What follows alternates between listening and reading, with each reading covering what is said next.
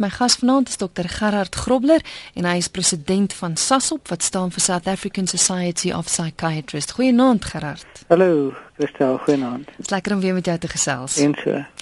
Vanaand het ons tog al 'n gewigtige onderwerp. Ons praat oor wat gemaak as jy 'n familielid het wat dreig dat hy of sy haar lewe gaan neem. Wat maak mens? sien mens dit bloot net as 'n dreigement of of is dit rooi ligte wat flikker? Dis dis waarskynlik een van die moeilikste goed waarmee ons uh moet werk in in weet in die professionele area want dit is so dit is so kragtige dreigement uh en dit dit dwing 'n mens om iets te doen. So ehm um, dit is 'n dit is 'n uh, optrede wat mense regtig aanspoor om om dit ernstig op te neem. Ehm um, en en dis amper die die scenario in, in sommige gevalle van die van die seentjie wat te veel wolf wolf geskree het dat mense later afgestomp raak en sê jy weet maar jy gaan dit nie regtig doen nie. En uh in in baie van die gevalle, nie in alle gevalle maar in baie van die gevalle eindig mense dan met 'n tragedie. So dit is 'n belangrike onderwerp, dis 'n baie baie um, emosionele onderwerp, emosioneel gelaaide onderwerp en dit is sekerlik 'n uh, 'n hoë risiko onderwerp om te om te bespreek ook. Mm. Jy kan saamgesels, jy kan op drie maniere saam met my en Gerard gesels. Jy kan 'n SMS stuur na 3343 3343. Dit kos jou R1.50 en geen gratis SMS'e geld nie. Jy kan 'n e-pos stuur via ons webwerf rsg.co.za en daar's 'n skakel wat sê stuur e-pos aan ateljee. Alternatiefelik kan jy skakel ateljee toe 089 11 04553 089 1104553. Die rede waarom ek vanaand die tema gekies het is omdat ek die afgelope week bewus geword het van mense wat hierdeur is mense wat 'n familielid gehad het wat wat gesê het maar ek gaan my eie lewe neem en dit dan ook op die ouene gedoen het en en hoe die invloed wat dit gehad het op daai gesin. Ek het 'n SMS gekry van An wat sê dit het my 'n jaar geneem voor ek besef het waarom my seun nooit iets van sy voornemende selfdood gesê het nie. Hy was 'n man van sy woord en het nie ligtelike praatjies gemaak nie. Sou nie so 'n gesprek ek sou nie so 'n gesprek net afgemaak het nie. Gerard, dink jy dis 'n bedekte seën as jy as jy iemand het wat wat wel sê ek gaan dit doen teenoor iemand wat net niks sê nie? As ons gaan kyk na die uh, omvang van die probleem, dan dink ek in die wêreldliteratuur ten minste word ehm um, selfmoord en wat ook genoem word paraselfmoord en selfbeserende gedrag of die sogenaamde selfharm word beskou as as 'n um, baie omvattende en en belangrike ehm um, openbare gesondheidsprobleme. Jy weet daar's omtrent 'n miljoen mense wat elke jaar sterf aan selfmoord wêreldwyd en in die die uh, wêreldgesondheidsorganisasie reken dat selfmoord die tweede mees algemene oorsaak van dood onder jong mense in die hele wêreld is. So dis dis vir alle probleem uh van jong mense adolessente en jongvolwassenes. In Suid-Afrika wys die navorsingsfonds eintlik twee tendense. Dit kom voor in jong mense en dan 'n piek hier rondom tussen 55 en 65. Maar dit is 'n dis 'n toestand of gedrag wat in in alle ouderdomsgroepe kan voorkom en is in alle sosio-ekonomiese agtergronde. Ehm um, maar dit is ook waar aan die ander kant dat selfmoordpogings uh 20 keer meer algemeen voorkom as 'n voltooide selfmoord. Met ander woorde daar's daar's 20 pogings vir elke voltooide selfmoord. Hmm. So die die verwantskap tussen 'n selfmoordpoging en 'n uiteindelike selfmoord, ehm um, laat 'n breë spektrum uh jy weet ons weet dat die belangrikste uh risikofaktor vir 'n voltooide selfmoord is vorige poging of pogings.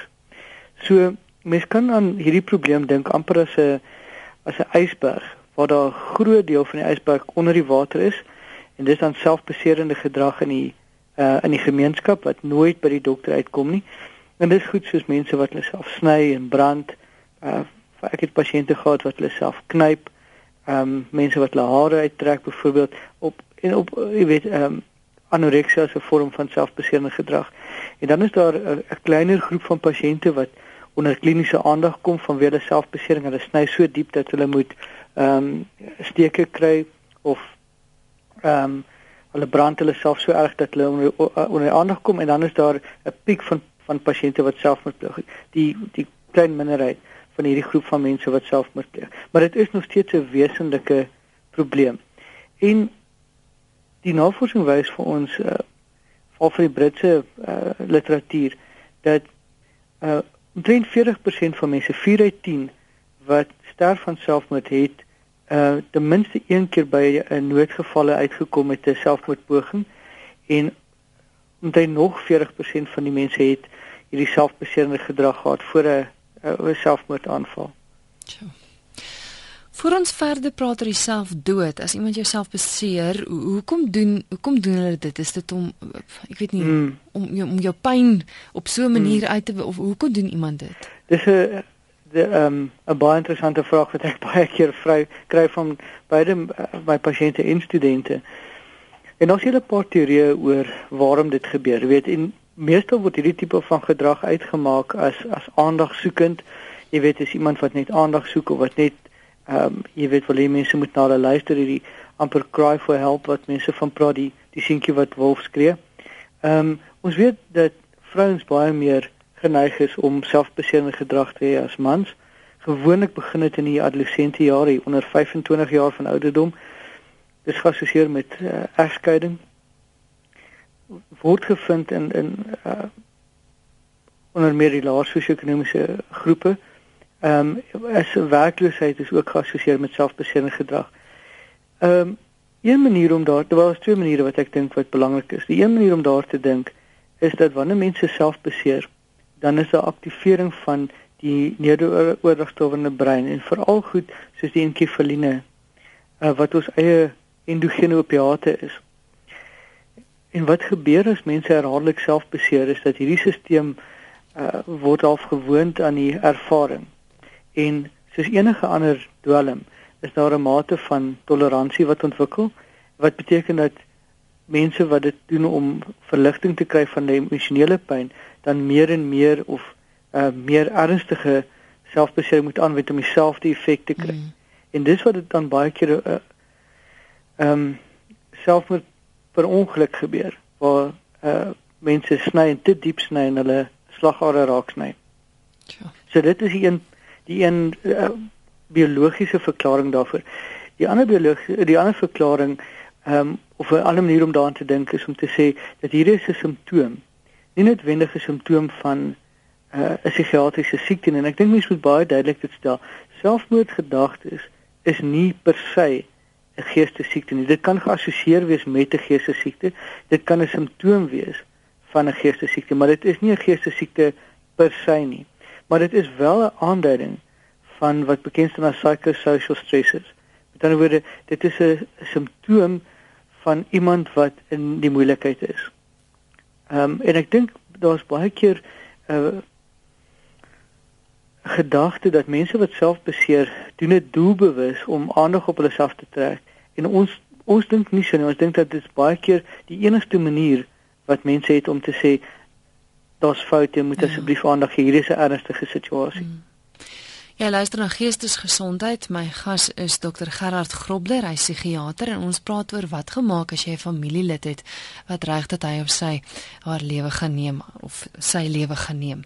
Ek het nou 'n SMS gekry van Joan wat sê ek wou al dikwels selfmoord pleeg, maar het nie omdat mense van my afhanklik is. Mm. Ek glo niemand het die reg om iemand wat dit wil doen te keer nie. Mm. Wat sê jy daarvan? Ek het uh, ek het vir ons hierdie program bespreek het gesê hier is 'n kontroversiële onderwerp en ek dink dis deel van die kontroversie. Nou die faktore wat geassosieer word met voltooide selfmoord is ehm um, manlike geslag oor die algemeen. Ehm um, mense wat 'n aktiewe geestesiekte het, so baie algemeen depressie of bipolêre verstoring of uh, selfs skizofrenie. Mense wat ehm um, gebuk gaan onder alkohol of ander dwelmverwante probleme mense met angstige depressies is is veral 'n uh, groot risiko. Ehm um, ons weet dat mense wat sukkel met sosiale ondersteuning, so uh geskeide mense of weduwenaars weduwees of mense wat net um, apart bly wat die ondersteuning van 'n familie van van hulle uh, gade verloor het um, is meer blootgestel aan voltooide risiko dan die een groot risikofaktor is onlangse psigiatriese behandeling so wanneer pasiënte van wie hulle selfmoordpoging opgeneem word die 6 maande na die ontslag is vir alle uh, risikotyd kroniese en ernstige mediese siektes, so waar mense byvoorbeeld kanker het of ehm um, vervolgde sklerose het of 'n uh, aangaande siekte wat hulle weet hierdie ding gaan nie beter word nie en dit is 'n lang en 'n pynlike siekte. Ehm um, verlies aan werk uh en die en die hopeloosheid wat saam met dit kom. Ehm um, waar daar verlies aan aansien is so mense wat aangekla word van uh van misdaad en wat dan deur 'n regsproses moet gaan is ook meer geneig tot selfmoord en dan sekere beroepe ehm um, predisponeer ook na selfmoord. So die beskermende faktore wat ek beide in die literatuur gesien het en in my in my ehm um, ervaring is presies wat jou luisteraar gesê het. Uh mense sal vir my sê ek dink aan selfmoord maar ek sal dit nie doen nie want wat gaan vir my kinders word of wat gaan vir my ouers word? Wat gaan vir my afhanklikes word? Dis die een beskermende faktor en dan godsdienstige getuienis die ander. Hmm. Oor die kwessie of mense verhoed mag word om selfmoord te pleeg. Uh ek dink dat dit dit raak op die vlak van die politiek en die filosofie meer as op psigiatrie. Ehm um, want ek dink dit gaan dit het te maak met die reg op lewe en en ook die reg om te sterwe as jy so sou verkies. Ek dink daar's twee argumente uh aan die een kant, jy weet, die die een kant is dan wel ek het die absolute reg op lewe en om te sterwe. Die ander kant van die saak is wel die gemeenskap het ook sekere regte en daardie regte is om nie ontneem te word van produktiewe le lede van die gemeenskap nie. So daar is 'n bepaalde koste aan selfmoord. Daar's 'n emosionele koste aan die mense wat agterby, maar daar's ook 'n koste ehm um, vir die gemeenskap. En ek dink dat mense hierdie twee regte te mekaar moet opweeg. In Suid-Afrika ehm um, het ons die reg volgens die geestelike gesondheidswet om as iemand selfmoordneigings het vanweë geestesiekte om hulle dan uh, te behandel, selfs teen hulle sin te behandel. Hmm. En, en dis miskien 'n ding wat ons in die toekoms oor kan praat oor hoe werk die geestesgesondheidsorgwet. Maar daar het ons 'n bepaalde nie net 'n um, mandaat nie, maar ook 'n verpligting as psigiaters en as dokters om op te tree en mense te beskerm teen hulle self. Maar dit is dan as die selfmoordgedagtes deel is van 'n geestesiekte. Ek verstaan. Salome sê sy het raad nodig. My baba dogtertjie is 21 November oorlede. Sy was 19 maande oud en ek sien haar elke aand. Ek wou 2 weke terug selfmoord pleeg. Hmm. Is daar raad vir my? Ja. Dit is 'n ehm um, die raad is dat sy so gou as moontlik en indien nie môre sommer eh, 'n uh, geestesgesondheidwerker moet sien. Dit kan 'n algemene praktisyn wees dit kan 'n uh, verpleegster of 'n suster by die kliniek wees of dit kan 'n psigiater wees. Maar ek dink dit is baie belangrik dat sy by iemand kan uitkom wat haar kan ondersoek en dat sy behandeling kry. Ehm um, dit is 'n redelike traumatiese ervaring en ons sien dit baie gereeld dat die dood van 'n familielid is baie keer die sneller vir mm. selfmoordpogings. Waar mense sal sê ek wil graag by die persoon wees. Ehm um, jy weet ek kan nie my lewe sonder hierdie persoon sien nie. So ek dink dit is baie belangrik dat sy so gou as moontlik ehm um, in sommer môre oggend by 'n gesondheidswerker uitkom. Dien het 'n SMS ingestuur wat sê my broer het so 'n jaar gelede sy lewe geneem. Hy het net op 'n dag by die huis gekom en vir my ma gesê hy gaan dit doen. Niemand hmm. het hom geglo nie en 2 dae later het hy dit gedoen. Hmm. Vermoed dit het oor 'n meisie gegaan. Wat maak mens Gerard as jou kind na jou toe kom en vir jou sê ek gaan my eie lewe neem? Waar begin mens? Wel, ek dink dat ehm um, die die een groot een belangrike opmerking is dat ons psigiaters is nie goed om selfmoord te voorspel nie. En ek dink soveel te meer verleke. Ons weet wat die risikofaktore is en ons weet wat geassosieer is met selfmoord. Maar daar's soveel faktore wat 'n rol speel by 'n voltooide selfmoord dat dit dit dit feitelik onmoontlik is vir 'n dokter om te sê hierdie persoon sal of sal beslis nie selfmoord pleeg nie. En ek dink uh dit is een van die goed wat ek dink ons behoort nederig te as dokters is om te sê ons kan nie voorspel wie gaan en wie gaan nie selfmoord pleeg nie. En die die teendeel daarvan is dat 'n mens alle selfmoord gedagtes en praatjies as as ernstig moet beskou en daarop moet reageer. Nou daar's 'n inherente gevaar dat mense ooreageer. Ehm um, maar ek dink die wat 'n mens sou moet doen is om 'n ruimte te skep vir 'n persoon om hulle gevoelens te deel op 'n nie konfronterende manier nie en ek dink dis baie keer waar die probleem kom. Die families raak so ehm um, gespanne oor oor dit dat hulle ooreageer en begin ehm um, jy weet beskuldigend raak en mense probeer oortuig om dit nie te doen nie. So ek dink die die benadering sal wees om vir mense 'n omgewing te gee waarbinne hulle veilig voel, waar hulle ondersteuning het. Ehm um, die geleentheid vir hulle te gee om hulle hulle saak te stel, hulle hulle opinies te gee, hulle storie te vertel op 'n manier uh, om dit moontlik te maak vir die persoon met selfmoordgedagtes om wel by 'n gesondheidswerker uit te kom sodat hulle ondersoek kan word, 'n geestes uh, psigiatriese ondersoek kan kry. En om dan die ehm um, die faktore wat bydra tot dit of dit nou verhoudingsprobleme is of finansiëel of siekte of wat ook al so goed as moontlik te probeer aanspreek. En ek dink dit is baie keer moeilik vir families om dit te doen. Maar en dis waar dan die, die professionele hulp dan nodig word. Jy is welkom om saam te gesels. Jy kan 'n SMS stuur na 3343 3343. Dit kos jou R1.50 of jy kan 'n e-pos stuur via ons webwerf rsg.co.za. Die nommer in die ateljee om saam te gesels 0891104553.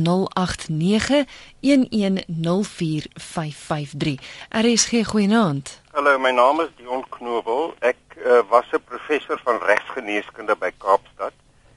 So in my 40 jaar van werk het ek dikwels met mense te doen gehad wie se kinders of familielede hulle eie lewens geneem het. In my eie familie was daar 'n broer, 'n niggie, 'n klompie neefies ensovoorts waarin dit voorgekom het. En ek is ook bevriend met en betrokke by 'n groep moeders wie se kinders hulle eie lewens geneem het. En ek wil net hier 'n 'n lansie breek soos hulle sê. Die moeders vind die woord selfmoord geweldig stigmatiserend interessant ek luister nou vanaand die dokter praat almekaar van selfmoord en u as ehm uh, omroeper praat van eie lewe geneem. Uh die groep dames onder leiding van uh professor Lizet Rabbe praat van selfdood. Nou ek vind dit 'n vreemde woord. Ek gebruik die woorde het hulle eie lewe geneem. En ek wonder of dit nie dalk iets is wat die dokter ook aan moet dink om nie dit selfmoord te noem weet dit is selfmoord en om jou eie lewe te neem is selfmoord, maar nie die woord te gebruik nie omdat dit vir die agtergeblewenes 'n stigma laat voel, jy weet. Hmm. Dis my gevoel. Ek ek luister verder by die radio, né? Nee. Baie dankie Dion. Goed gaan. Ja, Gerard. Wel, ek dink dit is 'n 'n standpunt wat mens sekerlik moet ondersteun. Ek dink daar is 'n geweldige uh, stigma nog aan die uh, verskynsel. En ek dink mens moet sensitief wees vir mense se uh, opinies. Die rede hoekom ek die term gebruik is dat dit algemeen 'n gangbare term in die akademie, maar mens kan sekerlik praat van eie lewe neem en ek dink dit impliseer dieselfde. Um interessant dat Dion nou noem ek is besig om 'n boek te lees wat deur deur Lizet saamgestel is en wat deur vier vrouens geskryf is wat wat familielede gehad het wat hulle eie lewe geneem het en daarin sê sy ook in die inleiding dat dis so 'n tema waaroor daar so min gepraat word. Verstaan mense wil nie regtig daaroor praat nee, nie. Dis baie um, emosioneel. Dit dit is besonder emosioneel. Hier's 'n luisteraar wat sê my een tweeling wou sy eie lewe neem toe sy vrou aan kanker dood is. Nou na 6 jaar na haar dood, het hy weer verlief geraak op 'n oulike dame en sy het hom nou sommer gelos. Nou dreig hy weer met selfmoord. Mm. Hy's 40. Ek voel so magteloos. Dis Jenny wat die SMS ingestuur het.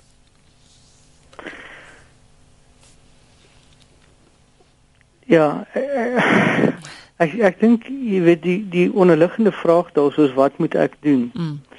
En ek dink die beste wat 'n mens kan doen is om ondersteunend te wees vir die persoon ehm um, wat deur hierdie proses gaan. Ehm um, en, en om aan te sluit by die vorige ehm um, luisteraar se kommentaar uh, of mense nie die reg het om self met te uh, of om hulle lewens te neem nie.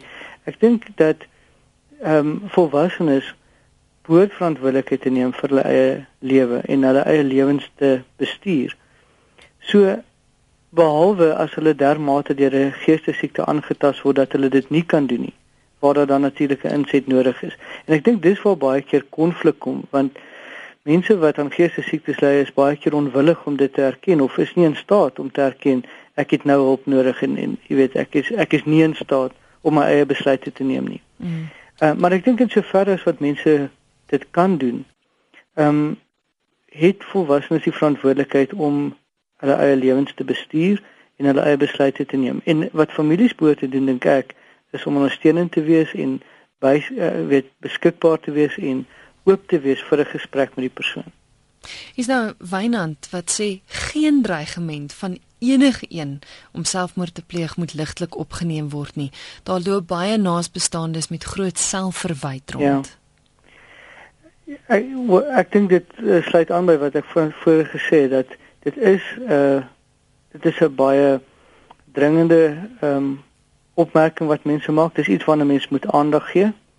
En dit is nie iets wat ligtelik moet afmaak nie. Wat wat gemaak as ons nou 'n SMS kry van 'n luisteraar wat sê my wêreld het ineengestort die dag toe my vrou in 'n motorongeluk dood is. Die lewe beteken nou niks meer nie. Ek sit reeds nou met die pistool in my hand. Gerard, dis 'n luisteraar wat nou hier op lig 'n hulpkreet het. Hoe hoe wat wat sê mens vir so 'n luisteraar en ek hoop regtig hy luister nog. Ek dink dat ehm um, wanneer mense deur ernstige emosionele of deur fisiese trauma gaan, dan lyk die wêreld vir hulle baie duister. En ek dink dit is in daardie tye wat mense baie keer neig om in hulle self te trek en weg te trek van ander mense af. Maar die een boodskap is dat 'n ou nie alleen hoef te wees nie. Daar is daar's talle organisasies, daar is ehm um, jy weet ondersteuningsgroepe wat 'n mens kan nader, daar's uh dienste met 24 uur beskikbaarheid wat mens kan kontak. Ehm um, die noodgevalle eenhede van die hospitaal en veral die hospitaal in die groot sentra uh het psigiatriese dienste beskikbaar waar mense kan aanklop vir hulp. So die ek dink die boodskap is dat 'n mens moet hulp kry. Dat jy moet uitreik na mense en sê ek wil graag ek het hulp nodig en ek het iemand nodig om my te ondersteun. Ek dink wanneer mense deur 'n rouproses gaan, voel hulle baie keer alleen en voel afgesluit van ander mense en afgesonder van ander mense. En ehm um, dis juist die tyd wat hulle self moet oopmaak vir ander mense om hulle te help. Hmm. So die boodskap is asseblief daar is hulp beskikbaar, maak gebruik van die bestaande hulpbronne. Goed, ons nog oproepe RSG goeienaand. Is dit nou ek wat belig is? Dis reg ja. Jammer, ek vra want ek hoor dit nou as dit waar uit twee rigtings radio. Uh, uh, jammer, ek het 'n die keel net so een oombliekie. Ehm um, anoniem praat. Ehm um, Kirstel, uh, twee gedagtes. Ek was uh, ek het saam met 'n vrou gewerk in Pretoria. Uh wat 'n voormalige 'n maatskaplike werkster, 'n voormalige hoof van ehm um, som help my FAMSA. Ja. FAMSA in in Pretoria. Ehm um, sy was toe net afgetree, wonderlike wyse vrou met baie vakkennis en baie ag ehm um, uh, wat is die woord teenoor haar medemens en so aan. En sy het gesê dat die uh, ek probeer nou voor onthou. Uh dit kom neer op die selfsugtigste, die verskriklikste ding wat 'n moeder aan haar gesin kan doen, is om selfmoord te pleeg. Nou goed, ehm um, dis wat moeders betref en dit is uh die liewe kollega van my vir wie ek die hoogste agting het se se mening. Mm -hmm ek self het dit aan eie bas as dit ware gevoel toe die dogter van 'n vriendin van my vir wie ek ook baie lief was haar hand aan haar lewe geslaan het. Ek vrees die wat wat by die agtergeblewenes bybly en ek moet sê haar twee susters was uh die dogter jong vrou se twee susters was baie teleurgesteld haar ouers was wel hulle was meer teleurgesteld natuurlik Ehm um, haar ouers was verpletter. En wat my bybly, ongelukkig hoe lief ek vir die meisiekind was, is die selfsug daarvan. Gevolg sy het ernstige probleme gehad, sy het ehm um, uh, ek ek sal maar sê uh, siekte toestande wat blykbaar tot baie depressie aan aanleiding gegee het maar goed dis maklik om om van afstand af te sê dis selfsug en dis meer maar mens uh, dit wat die mense wat die agtergeblewenes deurgaan is onberekenbaar. Uh, net 'n vinnige laaste versoek. Ehm um, jou gas het genoem die inbeldienste of diens wat ook al ek ek wonder of dit nie tog wys sal wees as jy om vanaand of miskien as dit nie vanaand beskikbaar is by 'n volgende program net daardie nommer of nommers te verskaf nie. Seker, ek is seker Gerard sal vir ons nommers kan gee. In, in 'n stadium het uh, uh, sê maar 10, 15 jaar gelede uh, het daardie mense die ek dink die bekendste inbeldiens in die nommer die naam daarvan vir my nou net nie by nie. Het hulle was hulle gedurig in die diens in die nuus en mense het hulle uh, maklik die naam onthou. Mm. hulle direkteur miskien geld dit nou nog ek weet nie. Goed, maar dit dit klink vir my na eh, 'n uh, goeie 'n uh, goeie idee. En ek wonder net waarom die psigiater nog nie vanaand verwys het na sielkundiges nie. Is daar miskien 'n rede daarvoor? Baie dankie hou vol met hierdie programme. Baie dankie. Dankie. Lekker aand. Gerard, ja, daar is daar is stigmas soos wat ons nou genoem het wat kleef aan aan as jy jou eie lewe neem. Sy het nou genoem die selfsug wat mens baie dink, 'n persoon wat sy eie lewe neem is selfsugtig. Ja. Ek kry nou 'n 'n e-pos van sy grys wat sê, "Waarom moet ons probeer om die daad te versag? Selfmoord is selfmoord en daar moet 'n stigma daaraan kleef, want dit is nie 'n normale optrede nie. Om dit te probeer versag is ook om te sê dit is normaal en in orde." Verduidelik bietjie Hoekom dit soms gebeur dat 'n persoon op 'n punt kom dat hy regtig net nie 'n keuse het nie? Wel, as ons praat oor ehm um, jou eie lewe neem in die konteks van uh van 'n geestesstoestand. Ek dink dat mense wanneer hulle ernstig geestesiek is, verloor die vermoë hmm. om hierdie tipe van rasionele opinies te maak om te sê dat dit selfsugtig is en wat van die mense wat agterbly. Dat dat hulle verloor die vermoë om ehm um, vir by gebrek aan 'n beter woord onselfsugtig te wees. Ja. Vanweer die toestand waarna op daai oomblik verkeer. Ek dink as daar een ding is wat ons nodig het in hierdie gesprek is dit om empaties te wees teenoor mense wat op 'n punt kom waar hulle so desperaat is dat die enigste uitweg wat hulle sien is om hulle eie lewe te neem. So ek dink nie dit is so eenvoudig om te sê dat behoort 'n stigma aan te aan te kleef nie want ek dink dit maak dit nie makliker om mense te behandel nie dit maak dit moeiliker. Die stigma veroorsaak dat mense nie kom vir hulp nie, dat mense nie bereid is om te sê maar dis wat met my gebeur het of dis wat met my familie gebeur het nie. En ons weet dat een van die risikofaktore vir 'n voltooide uh, aanslag teen jou eie lewe is 'n familiegeskiedenis van voltooide selfmoord. So dis baie belangrik vir 'n uh, dokter om as 'n as mens die assessering doen te vra daarna En stigma veroorsaak dat mense dit dan baie keer nie sê nie om dit nie te noem nie. Wat wat hulle dan meer uh, weerloos maak en meer blootstel. So ek ek sou dink dat 'n mens 'n uh, bietjie meer empatie moet hê met met mense wat uh, op so 'n punt kom wat hulle desperaat genoeg is om ehm um, hulle hand aan eie lewe te slaan. Hmm. Een van die dinge wat ons doen wanneer ons 'n persoon met 'n hoë risiko identifiseer en sommer in die hospitaal op te neem, En ek wil net vir jou vertel van wat van die internasionale literatuur sê. As hulle navorsing gedoen op pasiënte wat in as binnepasiënte gesterf het binne die hospitaal. En ge, die navorsing het gevind dat 78% van die pasiënte het ontken dat hulle selfmoordgedagtes het voordat hulle 'n poging aangewend het. 41% van hulle het dit uh, uh, het dit nie uitgespreek nie. En dat die selfmoord uh ideasie die gedagte daaraan ehm um, is meer uitgespreek in mense wat nie hulle lewe geneem het nie as in mense wat dit wel gedoen het.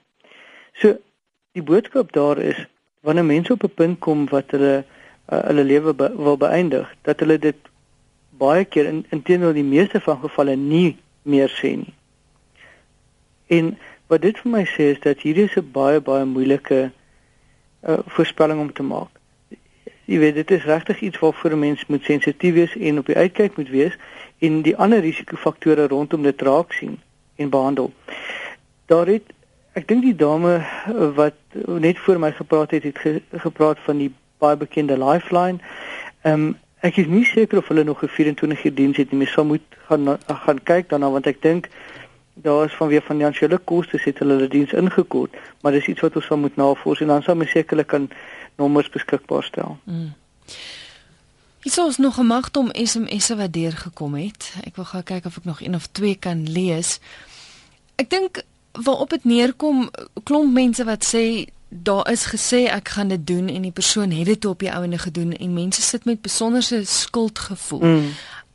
As iemand sê ek gaan dit doen, soos jy nou vroeër genoem het, daar is hulp daarvoor. Die belangrikste gaan wees is dat so 'n persoon hulp moet kry, is ek reg? Want ja. want dit kan keer dat hy dit dan doen, is ek reg? Wel, nee, ek ek dink nie dit is heeltemal waar nie. Ek dink dat dit is dit verminder die risiko, verseker, en dit verbreed die netwerk van ondersteuning wat daar is. Ek dink dit is baie keer moeilik vir families. Ehm um, wat gewoonlik leuke is wat wat nie be, uh, bekend is met geestesiekte nie om 'n uh, 'n baie baie moeilike situasie te hanteer en as 'n mens dan by 'n sielkundige of 'n psigiater of 'n maatskaplike werker of 'n kundige verpleegkundige uitkom, dan verbreed dit die netwerk van ondersteuning wat daar is. So ek dink dit is die die voordeel uh van 'n persoon wat by by hulp uitkom. Ehm um, ek het in die gesprek gepraat van 'n gesondheidsorgwerker en daardie gesondheidsorgwerker sluit in psigiaters wat uh, spes mediese spesialiste in geestesiekte is, maar dit sluit nie mediese uh, algemene praktisyns uit nie, dit sluit nie sielkundiges uit nie, dit sluit nie kliniese maatskaplike werkers uit nie. So uh, net om die kommentaar te antwoord dat ek nie oor sielkundiges gepraat het nie. Hulle word ingesluit by gesondheidsorgwerkers. Mm. Ek het gou gaan Google of ingegaan op die webwerf van Lifeline en dit lyk vir my asof hulle wel nog nog lewendig is en daar met ons is en daar is 'n nommer wat hulle wel gee wat mense kan skakel. So kry so lank 'n pen en papier gereed. Binnekort sal ek die nommer gee as jy hulp nodig het. Gerard, so laaste brokkie raad wat jy vir luisteraars kan gee vir vir die familielede, maar die persoon wat self met daardie gedagtes sit. So laaste opsomming. Ja, ek dink die opsomming is dat mense hoef nie alleen te wees nie. Daar is ondersteuning uh, beskikbaar van gesondheidsorgwerkers af. Daar is uh, ondersteuning vanaf kerke en van sosiale groepe. Ehm um, en jy weet as families nie in staat is om uh die ondersteuning te gee nie, dan is daar ander bronne van ondersteuning. Dis die een raad wat ek wil gee. Die tweede raad wat ek wil gee is selfmoord uh, gedagtes is nie 'n geestesiekte per se nie, maar dit kan aanduiding wees van 'n geestesiekte. En daarom is dit nodig dat 'n persoon met ehm um, hierdie gedagtes tog by 'n kundige uitkom wat hulle kan ondersoek en kan kyk of daar 'n uh, behandelbare geestestoestand is. Want as 'n mens dit behandel, dan word die probleem baie keer opgelos en verdwyn die die risiko of verminder die risiko ten minste. En ek dink daar is medikasie wat ons weet wat beskerm teen ehm um, aanslag teen mense se lewens. Uh so die die tweede raad is maak gebruik van die gesondheidsdienste wat beskikbaar is. Hulle is daar om te ondersteun, hulle is daar om te ondersoek, te diagnoseer en te behandel. Hmm. En ek dink die derde ding is dat ons as 'n gemeenskap baie ernstig moet sal moet kyk na die stigma van uh van selfdood. Dat dit iets is wat ons onsself moet afvra, maar hoe verstaan ons dit en en hoe maak ons dit vir mense makliker om by hulp uit te kom eerder as om hulle weg te steek en jy weet en nie daar te praat nie. So gepraat van hulp. Gerbrand stuur 'n baie belangrike vraag seker. Hy vra per e-pos met al die sielkundiges en hulp wat beskikbaar is, waarom is selfdood of selfmoord aan die toeneem dan? Of is dit 'n aanname wat gemaak word? Ja, daar is aanduidings dat dit toeneem ehm um, in in die wêreldliteratuur. Ek dink daar's daar's 'n klomp faktore wat 'n rol daar speel. Ek dink daar is ehm um, daar sekerlik aanduidings dat ons sosio-maatskaplike strukture verander. En dit speel 'n wesenlike rol by die toename aan aan selfdood. Ek dink daar's ook 'n uh, voorte blootstelling aan substansaandwelms, ehm um, spesifiek in Suid-Afrika. Uh en dit speel ook 'n rol en ek dink die die oorgangsperiode waarbinne ons in ons land beweeg, het sekerlik ook 'n bydrae tot die toename in ehm um, in selfdood. Hmm. So hier is 'n probleem wat groter is as net psigiatrie. Dit het ook politieke en maatskaplike en uh sosio-ekonomiese oorwegings wat 'n rol speel. Wel Gerard baie dankie vir die gesels vanaand en vir al jou kundige raad. Baie dankie vir die geleentheid. Lekker aand. Lekker aand verder. Totsiens. Dit is Dr Gerard Grobler met wie ek gesels het. Hy is president van SASOP, die Suid-Afrikaanse Vereniging vir Psigiaters. En uh, ja, was baie interessant om met hom te gesels. Ek het 'n klomp SMS'e gekry van mense wat regtig genood is en wat wat groot behoefte het aan hulp.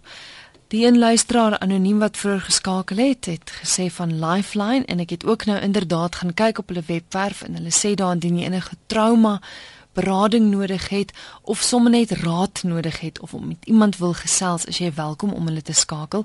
Ek het bloot ingegaan op www.lifeline.co.za. Daar's 'n wonderlike webwerf.